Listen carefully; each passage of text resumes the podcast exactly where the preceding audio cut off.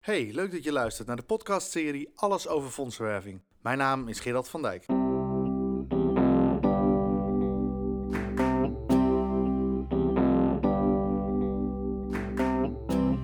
Je luistert naar een podcast van Krantio Fondsenwerving.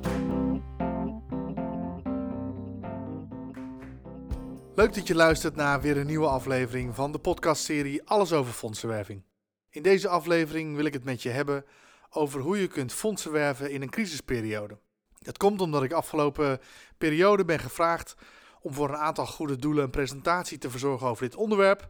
En terwijl ik deze podcast opneem, zitten we midden in de coronacrisis. En ehm, het leek me goed om van die presentatie ook een podcast te maken, zodat ik hem met uh, meer mensen kan delen. Het gaat over fondsenwerving tijdens een crisisperiode, dus niet per se deze crisisperiode, want er zijn crisisperioden voor ons geweest en er zullen ook weer crisisperioden na corona komen.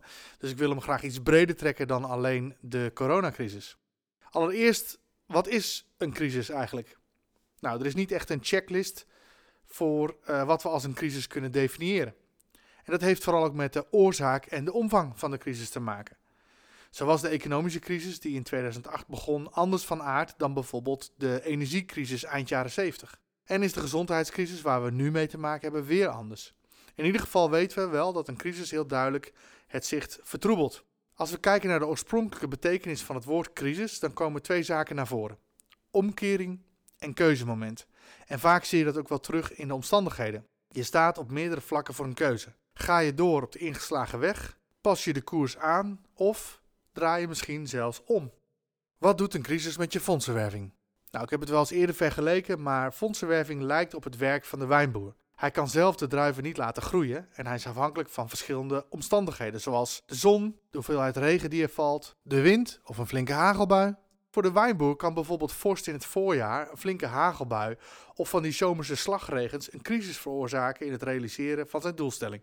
Het is misschien overbodig om te benoemen, maar de missie van de meeste wijnboeren is om goede wijn te maken. Dat is belangrijk om vast te houden. De missie van de wijnboer is niet per se zoveel mogelijk druiven produceren. Die wijnboeren zullen er vast ook zijn, maar die zullen waarschijnlijk niet zo lang bestaan als de wijnboer die vooral goede wijn wil maken. Wanneer een deel van de oogst verloren gaat als gevolg van een crisis, dan kan hij in de verleiding komen om water bij de wijn te doen, om zijn oorspronkelijke doelstelling voor de productie te halen. Als fondsenwervers is het voor ons ook van belang om de missie vast te houden. Ons doel is het realiseren van die missie en het middel is fondsenwerving. Als je dat omdraait en fondsenwerving wordt het doel, dan zie je dat organisaties zich in allerlei bochten gaan wringen om toch maar de doelstelling te halen. En zelfs al zou het lukken, dan is de kans groot dat zij hun achterban van zich vervreemden, omdat de missie niet meer centraal staat. Net zoals de wijnboer die water bij de wijn doet, waarschijnlijk weinig klanten over zal houden. Het werkt eerder andersom. Goede wijn die schaars is, creëert extra vraag. Ik heb in de afgelopen weken contact gehad met verschillende fondswerfexperts van over de hele wereld. En stuk voor stuk benoemen zij dat mensen vooral onderdeel willen zijn van een groter geheel, juist nu. En dat ze iets willen doen. En dat zijn mooie motieven waar wij hen als goede doelen bij kunnen helpen. Maar er zijn geen pasklare antwoorden over hoe je vorm en inhoud geeft aan je fondsenwerving tijdens een crisis. En ik ga je die ook niet geven. Maar er zijn wel stappen die je kunt zetten. En ik wil vijf stappen met je bespreken die je zou kunnen zetten. Stap 1. Maak een analyse en een prognose. Een crisis als deze raakt iedereen, dus ook de goede doelen in Nederland. Evenementen gaan niet door, bedrijven stoppen met sponsoring en particulieren raken hun baan kwijt. Dus ga er maar vanuit dat deze crisis ook jouw organisatie raakt. Hoewel niemand echt in de toekomst kan kijken, kan je wel een inschatting maken van welke inkomsten je mogelijk gaat missen. En wees daarbij zo realistisch mogelijk. Wie denkt dat een fondswervend evenement in het najaar misschien nog wel door kan gaan en de doelstelling alsnog behaald zal worden, die sust zichzelf waarschijnlijk in slaap en komt straks bedrogen uit. Dit is de tijd waarin je jaarplan zijn waarde bewijst. Als je namelijk goed hebt uitgewerkt welke inkomsten je via welk kanaal zou gaan werven, dan heb je nu inzicht in een gat dat ontstaat en kan je stappen zetten. Wil je meer weten over hoe je werkt met een jaarplan, volg ook dan de podcast over dit onderwerp. En ook nu bewijst het spreiden van de inkomsten zijn waarde. Ik heb in het verleden voor een organisatie gewerkt die 80% van de jaarlijkse inkomsten bij corporates vandaan haalde. Als dat nu nog steeds het geval is, hebben ze echt een serieus probleem. Maar hoe beter je in beeld kunt brengen welke inkomsten je waarschijnlijk gaat missen, des te beter ben je in staat om maatregelen te nemen.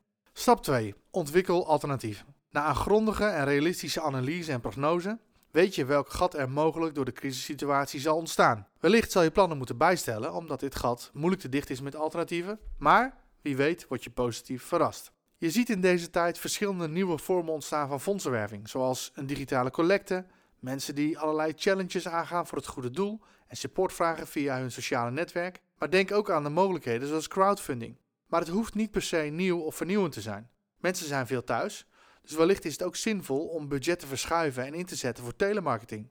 ZOA zou een huis-aan-huis collecte organiseren in de coronaperiode en ineens kon dat niet meer. Razendsnel hebben ze toen hun collectanten gevraagd om een online collecte te houden. Dat heeft niet opgebracht wat ze normaal zouden halen, zo tussen de 7 en 8 ton, maar alsnog ruim 220.000 euro. Naast dat het een deel van het verlies compenseert, gaven ze ook hun vrijwilligers de gelegenheid iets te doen in plaats van doelloos thuis te zitten.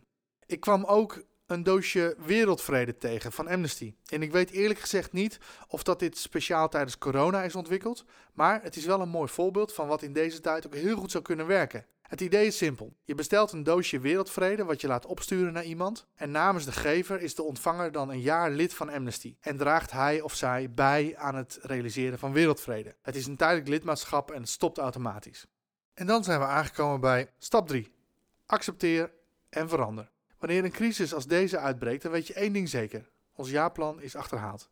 Er zullen geplande activiteiten, collectes, evenementen en bezoeken niet door kunnen gaan. Dat moet je accepteren. Zolang je dat niet accepteert, houd je jezelf voor de gek en kom je bedrogen uit. En hoe langer je daarmee wacht, des te moeilijker zal het zijn om via alternatieven het gat alsnog te dichten. Maar een crisis biedt ook een kans. Je hebt vast wel eens de uitspraak gehoord: Never waste a good crisis.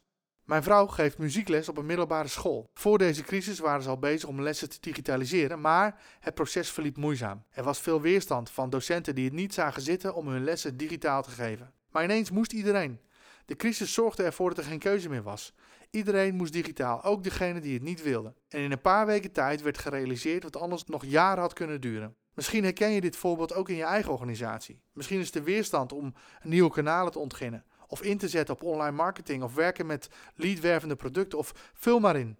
Het budget wat je had is ook niet meer leidend, want het is gebaseerd op een achterhaalde situatie. Dus zorg ervoor dat je goed weet wat de reserves van jouw organisatie zijn, zodat je ook met een onderbouwd plan het managementteam kan overtuigen om te investeren.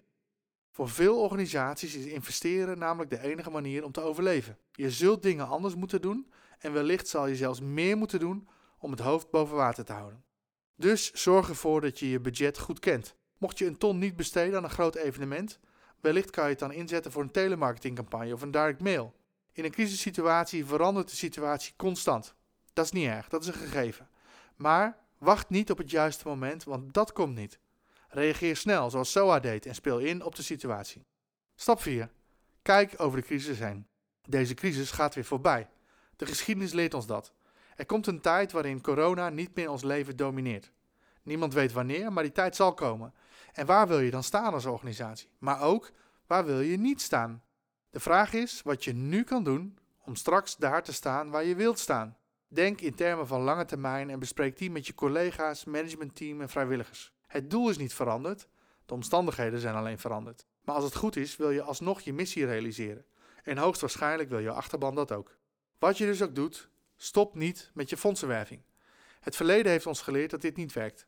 Tijdens de tsunami in 2004 stopten diverse organisaties met fondsenwerving, omdat ze het niet gepast vonden of omdat ze dachten dat het geen zin had, omdat ze ondergesneeuwd zouden worden door het nieuws over de tsunami. Uiteraard merkten deze organisaties dat in hun inkomsten. Maar er waren ook organisaties die dat niet deden. Organisaties die doorgingen met het werven van middelen om hun missie te realiseren. Sommige van hen merkten geen positief effect, maar ook geen negatief effect, hun inkomsten waren zoals anders, maar anderen haalden zelfs meer op, ook al hadden ze niet direct iets met het tsunami of het getroffen gebied te maken. Hoe komt dat, vraag je je misschien af. Dat komt omdat mensen juist in een crisis onderdeel willen zijn van een groter geheel en graag iets willen doen. Wij kunnen hen die kans bieden, maar dan moet je er wel zijn. Stap 5. Communiceer. Communicatie is altijd een belangrijk onderdeel van je fondsenwerving. Je vertelt van een situatie die niet oké is, wat er zal gebeuren wanneer niemand iets doet wat jij eraan doet of gaat doen en wat de impact daarvan is en voor wie of wat. Maar het is ook luisteren. Wat doet deze crisis met je achterban? Het is een vorm van samen optrekken met je achterban. Zoals je aan vrienden vertelt wat je bezighoudt, wat je dromen zijn en welke uitdagingen er zijn, maar je ook luistert over hoe dat bij hen is. Juist in een crisis is communicatie van levensbelang. Vertel mensen hoe de crisis jouw organisatie raakt. Wat kan nog wel en wat kan niet meer en hoe raakt dat je missie? Vertel daarnaast wat je al gedaan hebt en wat je nog gaat doen. En geef de mensen gelegenheid om aan te haken. Maak duidelijk wat zij kunnen doen. En denk verder dan alleen het geven van geld. En vraag hen ook wat zij willen doen. En misschien komt iemand wel met een geweldig idee. Kijk of dat je ook aansprekende content kunt maken die mensen kunnen liken en delen. Het hoeft niet gelikt te zijn, liever niet zelfs. Maak een filmpje waarin jouw directeur bijvoorbeeld kort en bondig vertelt hoe de crisis jullie missie beïnvloedt. Of van de loods waar alle spullen staan opgeslagen voor het evenement dat nu niet door kan gaan. En geef mensen een alternatief om toch mee te doen of bij te dragen. Wees daarbij niet bang om veel te communiceren. Lang niet alles van wat jij post wordt gezien door je achterban. Ik denk dat zelfs een post per dag of twee per dag niet als overkill wordt ervaren, mits je natuurlijk wel varieert in je boodschap en de vorm van je post. Wil je meer weten over hoe jij social media kunt inzetten voor jouw organisatie? Luister dan ook naar de podcast over dit onderwerp. Blijf daarbij vertellen over je missie en hoe die doorgaat in deze bijzondere tijd. Niet communiceren is alsof je er niet meer bent en je missie tot stilstand is gekomen. En daar wil niemand aan geven. Tot slot een aantal tips. Fondsenwerving in tijden van crisis is geen one size fits all. Wat voor de ene organisatie of achterban heel goed werkt, kan voor een andere organisatie helemaal niet werken. Maar ook de ene crisis is de andere niet. Dus het is heel goed om een crisisplan vooraf klaar te hebben. Maar wanneer een crisis zich voltrekt, zal je altijd aanpassingen moeten doen op de actuele omstandigheden. Denk ook aan tegenwerpingen. Ik heb het er al eerder over gehad. Je kent vast die twee oude mannetjes wel uit de Muppet Show, Waldorf en Stettler. Wat er ook in het theater wordt opgevoerd, zij hebben altijd iets te zeuren. En misschien heb jij dit soort mensen ook in jouw achterban. Wat je ook doet, ze vinden er iets van. De kunst is natuurlijk om je niet door deze moppenkonten te laten afleiden. Maar het andere uiterste is dat je doofstom bent voor kritiek. In een crisissituatie kan je ook vooraf een brainstorm houden met een paar mensen om te bedenken welke tegenwerpingen jouw achterban zou kunnen hebben als je hem benadert voor een gift. Liever bedenk je dat vooraf, zodat je erop in kan spelen. En direct of indirect kan je een mogelijke tegenwerping al wegnemen voordat het wordt geuit. Deze tijd is ook de ideale gelegenheid om contact te leggen met je achterban. Vraag hen hoe het gaat of dat ze vragen hebben over hoe de crisis jullie missie raakt. Wanneer je bijvoorbeeld met 10 mensen elke werkdag 4 donateurs belt en je werkt gemiddeld 3 dagen per week, dan bereik je in één week al 120 mensen.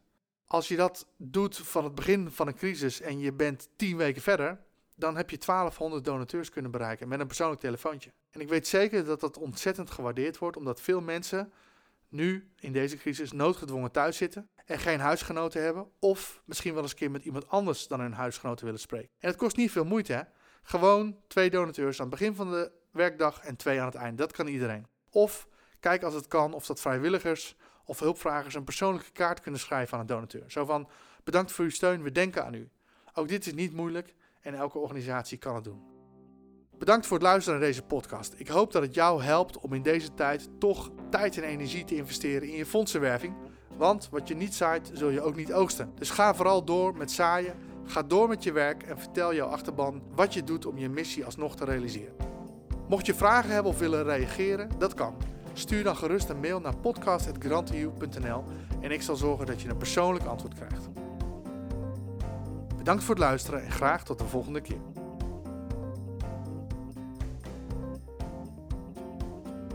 Voor meer informatie ga je naar grantioe.nl.